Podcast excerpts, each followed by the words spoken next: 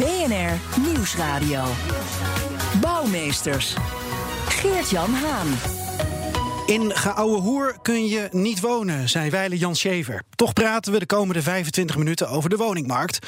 Want wat kunnen we aan de prijs van een huis veranderen nu het nog jaren duurt voordat er voldoende woningaanbod is? En kun je voorkomen dat er dan veel pijn is voor huidige woningbezitters? Olaf Slijpen, hoofdeconoom, lid van de directie van de Nederlandse Bank. Fijn dat u er bent. My pleasure. Zelf verhuisplannen, want het schijnt een goede tijd te zijn om te cashen. Ik heb geen uh, verhuisplannen. Ik woon uh, in Amstelveen. En daar ben ik nog niet zo heel lang geleden naartoe verhuisd. En daar blijf ik voorlopig ook even. Als u nou ziet wat er in uw buurt of in heel Nederland gebeurt qua huizenprijzen, wat, wat denkt u dan? Ja, uh, de, de recordstijging van de prijzen die we natuurlijk laatst weer zagen. Ja, dan denk je, hoe kan het? zeker gegeven de tijd waarin we leven. Hè? Het is toch een uh, economisch onzekere tijd. We hebben uh, verleden jaar de diepste krimp ongeveer sinds de Tweede Wereldoorlog gehad. En dat is toch wel heel erg opmerkelijk als je dan toch ziet dat de huizenprijzen uh, met 10% stijgen. Omdat economie en huizenprijzen vaak met elkaar verbonden zijn. Ja, ja nou, dat, normaal gesproken is dat ook zo. Maar er zijn, en daar gaan we natuurlijk over praten, maar er zijn in Nederland ook wel wat bijzondere aspecten waardoor in toenemende mate die woningmarkt steeds minder op die economische cycli is gaan reageren. Ja, een flinke opdracht voor een eh, nieuw kabinet. Er zijn verkiezingen geweest, er wordt verkend, uiteindelijk geformeerd. En u bent van DNB, een van de belangrijkste economische adviesorganen van de overheid. En begin dit jaar, toen kwamen jullie al met een uitgebreid advies aan dat volgende kabinet. Daar was u eh, op tijd mee. Waarom zo vroeg? Nou, we, zijn, uh, we zijn al langer natuurlijk bezig met, met uh, onderwerpen die. Uh, waarvan wij zeggen dat ze structureel aanpak behoeven. Daar hoort de woningmarkt erbij. Er zijn, de, de arbeidsmarkt is er ook een. Verduurzaming is een andere heel belangrijke. Dus het is een thema dat al, je zou bijna kunnen zeggen, misschien wel een decennium en misschien nog wel langer bij DNB hoog op de agenda staat. Dus het feit dat we daar nu iets over gezegd hebben. Ja, ik zou dat niet gelijk koppelen aan de verkiezingen. Oké, een centrale boodschap, zo las ik het althans, bouw de fiscale verschillen tussen kopen en huren geleidelijk ja. af. Waarom is dat zo belangrijk? Waarom is die kloof te groot? Nou ja, wat je dus nu ziet is inderdaad uh, dat uh, het, uh, de huizenprijzen, daar hadden we het net over, fors stijgen, fors zijn gestegen. dat is heel fijn als je een huis hebt en je wil inderdaad je huis verkopen. Maar dat is niet fijn als je die markt wil betreden. dus voor starters is het een lastige situatie. En tegelijkertijd heeft het geleid tot een situatie in Nederland met een, ja, eigenlijk gewoon hele kleine huurmarkt. Met name de particuliere huurmarkt. Die is in Nederland ongeveer 10% van de woning, uh, het woningaanbod. En ook internationaal is dat gewoon heel weinig. Ook wel bekend als de vrije huursector. Ja, de vrije huursector. We hebben dus in Nederland uh, een grote sociale huursector. We hebben uh, veel groter dan in het buitenland.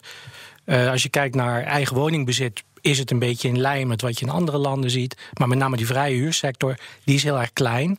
En ja, die is dus eigenlijk onderontwikkeld. Dus te weinig aanbod. En daar zijn dus ook de prijzen uh, naar verhouding hoog. Dus als je als starter de markt op wil gaan, het is en moeilijk om een huis te kopen. En uh, als je dan vervolgens wil gaan huren in die vrije sector. Ja, dan, uh, dan moet je ook de hoofdprijs betalen. Ja. En wij zeggen, wij, wij zien nu te veel dat mensen een beslissing nemen om een huis te kopen. of om te gaan huren op basis van fiscale prikkels.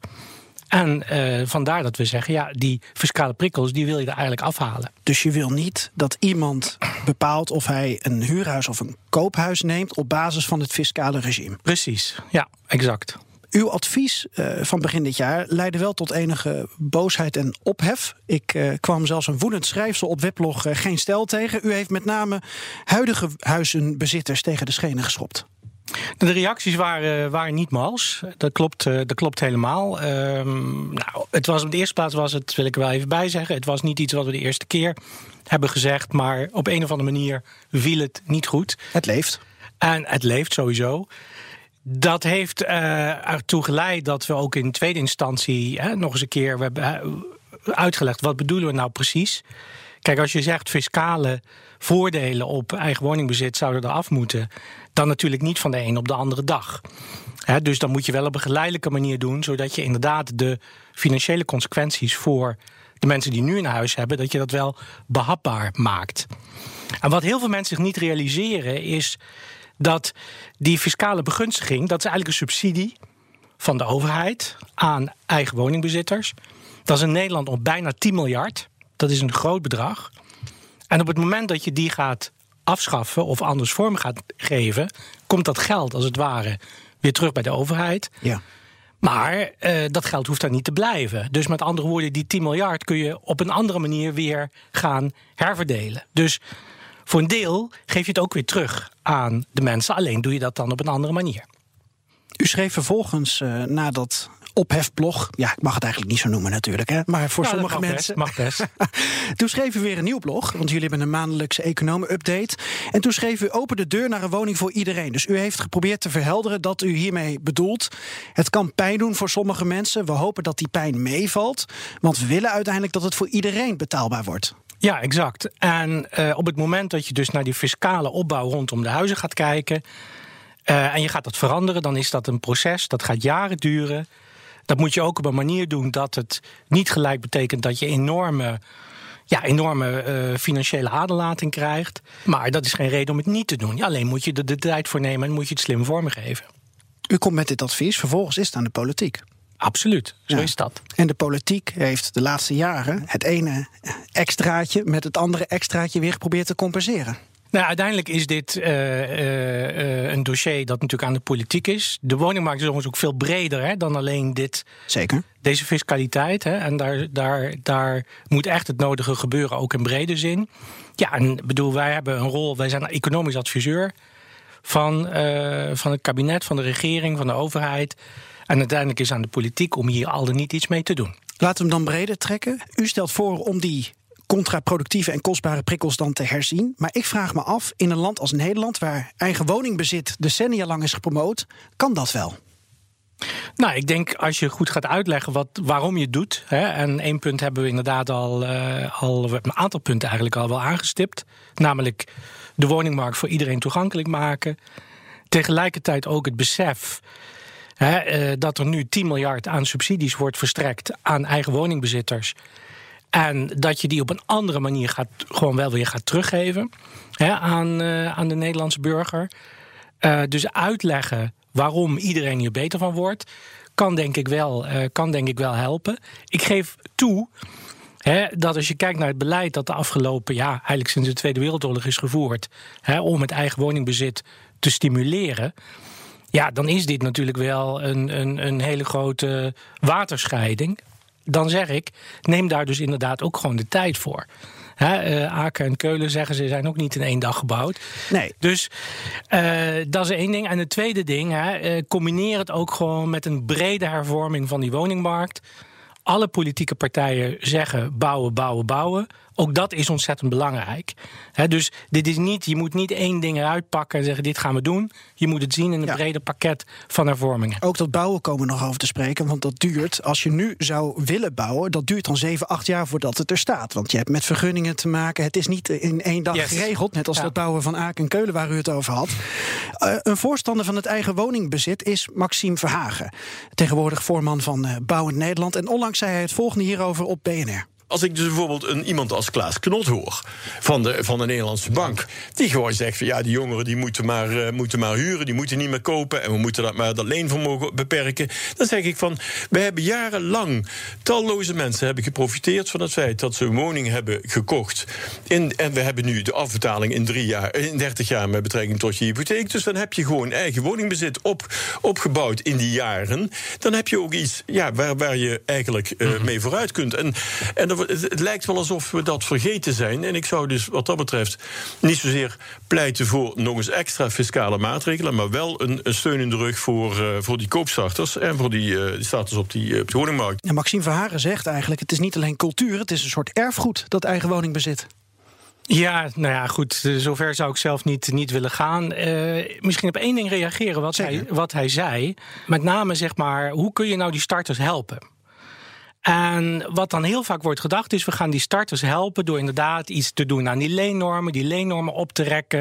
Er zijn ook plannen om ze een bonus te geven. Ja. Het punt is alleen, wanneer dat gebeurt, wanneer de leennormen worden opgerekt, et cetera, Het gaat onmiddellijk leiden tot een hogere prijs. De markt reageert. Dus je doet dus precies het tegenovergestelde wat je eigenlijk wil. Dat is wat we met de jaarwisseling hebben gezien met de overdrachtsbelasting, ja, toch? Dus, dus, uh, dus uh, dat, het helpt dus die starters gewoon niet. Integendeel, je bereikt precies het tegenovergestelde. Namelijk, het wordt weer moeilijker voor ze om een huis te kopen. Maar zegt u dan, uh, politiek, het is advies, hè, wat u dan geeft, zegt u dan stop dan met dit soort maatregelen ja. die op ja, zichzelf staan? Nou ja, wij, wij, wij zeggen inderdaad van nou ja, zorg dus, dus A, dat je, die, dat je die, die, die fiscale begunstiging van het eigen woningbezit geleidelijk gaat, anders gaat vormgeven.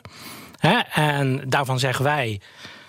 Breng het huis over als het ware, als het als ware het vermogen. Behandel het gewoon als vermogen. Naar een andere box. Ja, inderdaad. Voor de, voor de, voor de fiscale. Uh, voor de aanslagen die er weer aankomen. De, we verschuiven het van box 1, waar het nu in zit, naar, naar, uh, naar box 3. Maar doe dat wel uh, geleidelijk. En alles wat je bedenkt, heel goed bedoeld om de starters te helpen via die kant, subsidies, fiscaliteit, noem het maar op. Het leidt onmiddellijk tot hogere prijzen. Ja. En dat, dat blijkt gewoon. Dat is gewoon, als je gewoon gaat kijken naar de empirie, om het maar even zo te zeggen, van de afgelopen jaren. BNR Nieuwsradio. Bouwmeesters. Geert-Jan Haan. En wat de koopmarkt raakt, raakt ook de huurmarkt. En we hebben het over een, een fiscale tweedeling. Uh, wat ik miste, als ik dat mag zeggen, in uw economenblog in januari. Dat was uw, uw reactie dus op het eerdere advies van DNB. Dat was de rol van de verhuurders in Nederland. En daar ging het ook best wel over in de verkiezingsdebatten onlangs. Dus malafide verhuurders en beleggers, die moeten we aanpakken. Bent u het daarmee eens? Uh, ja, ik begrijp dat natuurlijk heel goed. Uh, maar, maar als je dat alleen maar eruit haalt als één element in die totale problematiek van die woningmarkt, ook dan los je de problemen op de woningmarkt niet op. Dus ik heb alle begrip hè, dat je zegt we moeten daar iets aan doen. En ik zie dat ook, begrijp dat ook. Maar daarmee heb je niet gegarandeerd dat er opeens een hele grote vrije huurmarkt is. Of dat de huurprijzen opeens massaal omlaag gaan. Daarvoor moet je echt gewoon toe naar die brede hervorming. Maar het gebeurt nu wel. De vijf grootste steden van ons land pleiten voor opkoopbescherming om te voorkomen dat beleggers betaalbare koopwoningen voor starters opkopen voor de verhuur. Nogmaals, niet alle beleggers zijn per definitie slecht, maar het gaat om de malafide. Ja. En er is een wet door de Tweede Kamer met best wel grote steun. Die ligt nu bij de Eerste Kamer. Wat vindt u dan van, van die wet, van dat initiatief? Nou, ik begrijp de achtergrond van die wet heel goed. Maar het zal er niet toe leiden dat er opeens veel meer huurwoningen komen in die vrije sector. Dus dat probleem los je er niet mee op. Kan sterker het zelfs nog, averechts gaan werken? Sterker nog, je, je maakt het probleem misschien alleen maar groter. Maar dat wil niet zeggen dat je dan niks wil doen aan wat dan die malafide praktijken worden genoemd. Dus daarom ook dat wij zeggen: het is een groot dossier dat een brede hervorming nodig heeft. Kunt u uitleggen hoe het averechts dan zou kunnen werken? Nou, omdat er dan niet onmiddellijk uh, uh, uh, iemand in dat gat gaat springen. Hè, wat je in feite, in feite dichtzet. Waardoor de, dat deel van de markt dat je overhoudt in de vrije huursector. Tenzij er meer huurwoningen worden gebouwd, et cetera, et cetera. Dat wordt nog kleiner. Dus die prijzen gaan omhoog. Ja, want het idee is dat er, dat wordt dan kwetsbare wijken. Dat zijn dan niet de, wat voorheen de, de vogelaarwijken waren. Ja. Maar dat zijn dus bijvoorbeeld historische binnensteden. Waar uh, beleggers graag huizen opkopen. om ze vervolgens bijvoorbeeld te verkameren. en voor veel geld te verhuren. Dat moet dan aan banden worden gelegd. Dan zou je volgens deze wet drie jaar lang kunnen voorkomen. dat je als huizenzoeker uh, met een opgedreven prijs te maken hebt. Alleen zegt u, ja, dat is maar één kant van het verhaal. Dat werkt in de praktijk niet zo. Uh, nou, het, het, werkt misschien in de praktijk wel zo, maar het leidt er niet toe dat je daardoor makkelijker een huis wil huren als je tegen een betaalbare prijs, als je dat wil. Ja. Uh, dus hoe meer je aan die kant gaat uh, reguleren in die sfeer, daarmee heb je het probleem van de, van de vrije huursector, het feit dat de huren zo hoog zijn en dat het maar 10% is van ons woningaanbod, heb je daarmee niet opgelost. Want wat gaan de beleggers dan doen in het geval dat het aan banden wordt gelegd? Hoe reageert men dan normaal gesproken?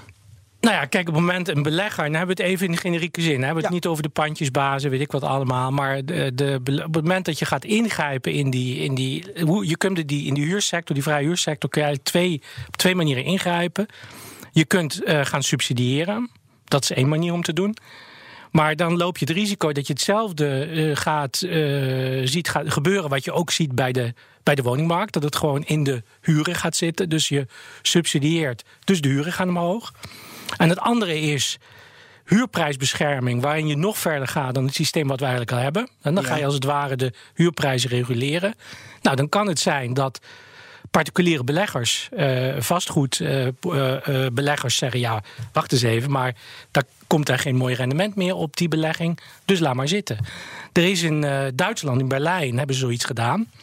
En om de huurprijzen echt lager te krijgen. Nou, het gevolg is dat er geen huurwoningen meer worden gebouwd en dat het heel moeilijk is geworden om een huurhuis te krijgen in een stad als Berlijn. Dus dat soort ingrepen, daar moet je heel voorzichtig mee. Je wil iets aan buy-to-let doen, maar u zegt dat kan dan juist het build-to-let eh, in de problemen brengen. Exact, exact. Ja. Waarbij ik me wel afvraag, uh, grote steun hiervoor in de Tweede Kamer. Het gaat nu naar de Eerste Kamer. Het gaat gewoon het gaat gewoon gebeuren. De grote steden gaan dit ook gewoon doen. Ze, ze zijn er blij mee. Ja, dat is, heet, uh, dat is democratie. Dus uh, wat ik al zei, dit zijn allemaal dossiers die op de tafel thuis horen van de politiek. Um, en nogmaals, ik heb ook geïsoleerd gezien best begrip voor deze maatregelen. Maar je moet ze in een groter geheel zien van hoe functioneert de woningmarkt. En dan moet gewoon het nodige gebeuren de komende jaren. U bent wel een van de weinigen die ik tot nu toe vrij kritisch hierover heb gehoord. Tot nu toe is het vooral Hosanna. Ja, nou, dat zeg ik. Dat, dat, daar heb ik ook alle begrip voor. Hè. Uh, maar nogmaals, het gaat de problemen op de, de, de woningmarkt... en met name ook de problemen die huurders ervaren gaat het niet oplossen. Ik weet niet hoe juridisch u onderlegd bent. U bent econoom. Enige juridische kennis ongetwijfeld uh, wel in huis. Als dit in de Eerste Kamer nu besproken wordt, hè, die wet. Een huis is iemands eigendom.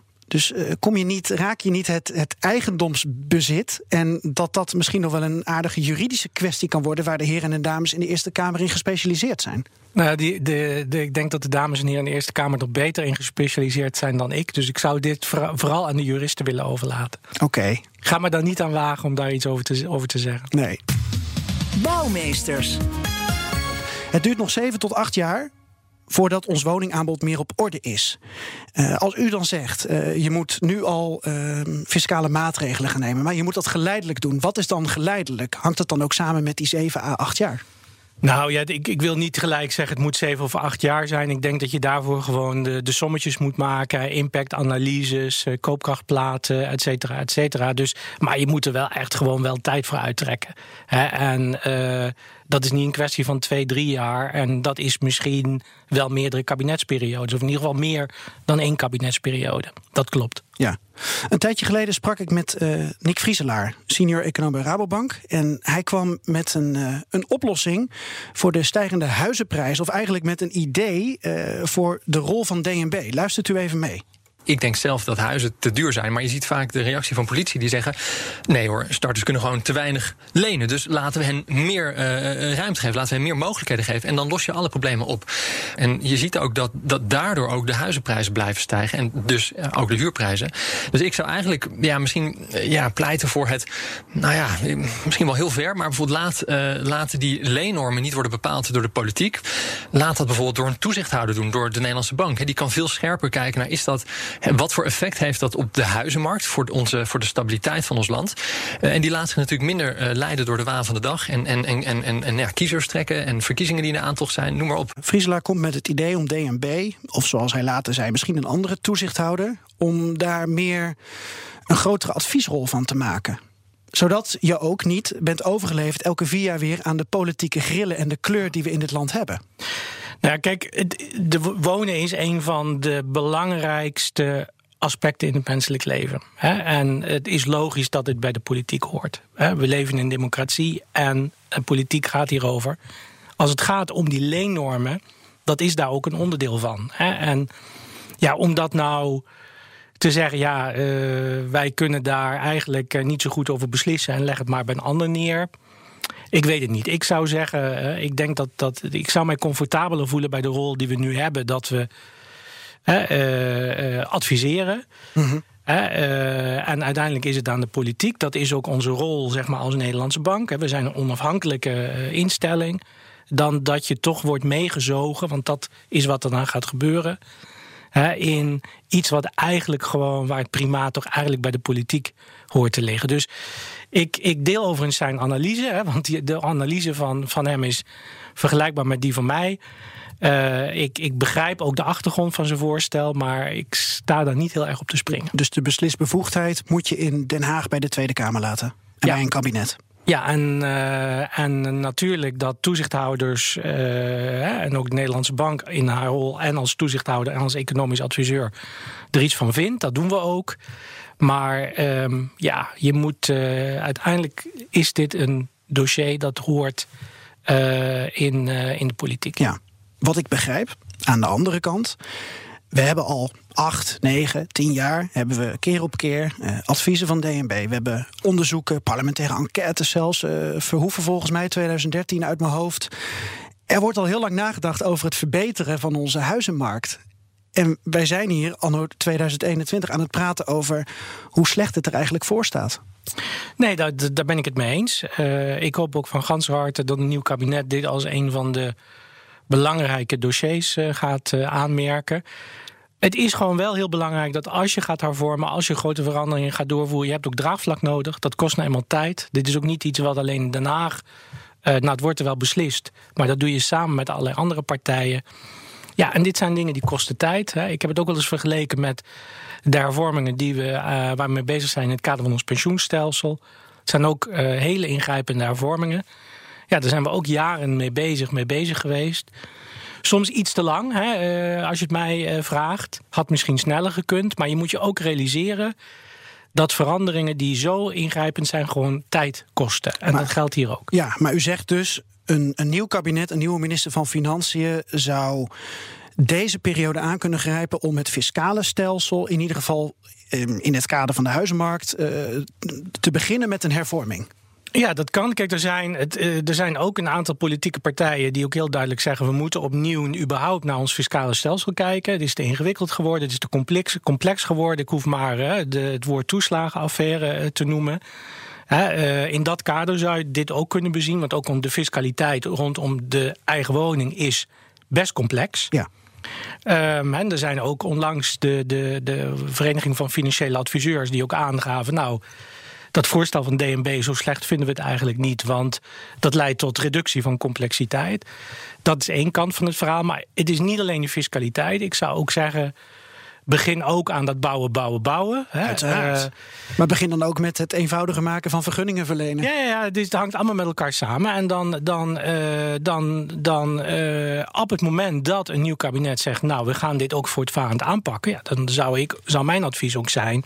ja, denk dan ook na of je niet een minister van Wonen weer moet hebben...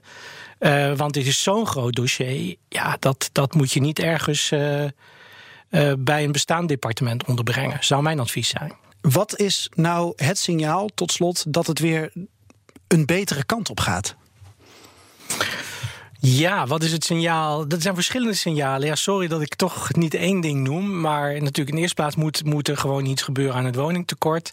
Dat gaat overigens niet die prijzen drukken. Hè. Uh, ik denk dat we ons daar niet te veel illusies over moeten maken. Dat is toch wat we willen? Zolang we niet uh, het woningaanbod hebben verbreed met het bouwen, moeten we toch de komende, komende 7, 8 het jaar. Moet, het, moet sowieso, het, het, moet sowieso dus gebeuren. Maar het gaat er niet toe leiden dat die huizenprijzen heel fors zullen dalen. Oké. Okay. Die, uh, laat ik zeggen, een meer gematigde stijging van de huizenprijzen. Daarvoor is het echt nodig dat je iets aan die fiscaliteit doet.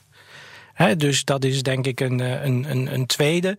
Dus woningaanbod in combinatie met uh, huisprijsontwikkeling, maar ook de omvang van de huurmarkt. Hè, want een van de redenen waarom we zeggen dit zou je moeten doen, is ook dat je wil dat die vrije huursector wat groter wordt. Dus die moet weer interessant worden voor, voor beleggers. Nou, dat zijn allemaal een aantal indicatoren waar je over een aantal jaar van kunt zeggen, als dat allemaal gebeurd is, zeg maar, dan gaat het de goede kant op. U zei nog één ding waar ik toch nog benieuwd naar ben. U zei namelijk, uh, ja, die huizenprijzen, die kunnen we eigenlijk niet verlagen. Dus wat we hooguit kunnen doen met beter beleid is afremmen? Nou, de, ik, ik zei in het begin van de, de link tussen de economische cycli en de huizenprijzen is natuurlijk minder geworden, maar is er natuurlijk nog steeds. Hè? Dus um, uiteindelijk speelt de rol van de economie natuurlijk toch wel een rol. Maar um, wij denken wel dat als je die fiscaliteit gaat aanpakken, dat de, stel de huizenprijzen zouden stijgen, dat ze minder hard stijgen dan nu het geval is omdat je die huur- en woon, uh, eigen woningmarkt gewoon meer op elkaar hebt laten aansluiten. En daar, dat, verwachten wij, dat verwachten wij wel. En ehm, daarmee maak je ook die eigen woningmarkt maak je weer toegankelijker. Juist voor die jonge mensen en die starters die graag een huis willen kopen. Maar de huurprijzen zou je wel een soort van kunnen bevriezen of op het niveau kunnen houden, waarmee je dan weer dus de koopprijs ook iets meer nou, ik, denk, ik denk dat dat uiteindelijk uh, zou je kunnen zeggen, ja, vanzelf is natuurlijk niet. Ik wilde zeggen, het gaat vanzelf, maar het gaat natuurlijk niet vanzelf. Maar door marktprocessen krijg je dan dat uh, uh, het hebben van een eigen huis, maar of het huren van een huis in de vrije sector, dat ja, zeg maar de kosten gelijker aan elkaar worden. En dat is op zich ook geen doel op zichzelf. Het doel is dat op het moment dat ik als individu een keuze maak voor of een eigen huis kopen of een huis huren, dat ik dat niet doe vanwege allerlei fiscale voordelen of nadelen. Maar omdat ik dat doe wat op dat moment vanuit mijn individuele situatie het beste besluit is. En als dat besluit kan worden genomen, dan is dat het signaal dat de huizenmarkt voor iedereen iets betaalbaarder is geworden. Ja, absoluut. Dank voor uw tijd en voor uw komst naar de studio. Graag gedaan. Olaf Slijpen, eh, hoofdeconoom en directielid bij DNB. En dit was BNR Bouwmeesters. Wil je terugluisteren? Dan kun je naar bnr.nl of naar eh, onze podcastplayer van BNR. En natuurlijk ook via Spotify en andere podcastplayers zijn we terug te beluisteren. En dit was de laatste Bouwmeesters. Hartelijk dank aan alle voorgangers en aan de zes jaar die jullie hebben geluisterd naar dit programma. Dus ik mag nog één keer zeggen: Aito. Bij BNR ben je altijd als eerste op de hoogte van het laatste nieuws. Luister dagelijks live via internet. Jelle Maasbach. Wesley Weert. We zijn er voor je met het leukste, opvallendste, maar natuurlijk ook het belangrijkste nieuws. Tijdens de presentatie van die halfjaarcijfers toen die beurskoers in elkaar kukkelde. BNR Beurs. Voor de slimme belegger. Blijf scherp en mis niets.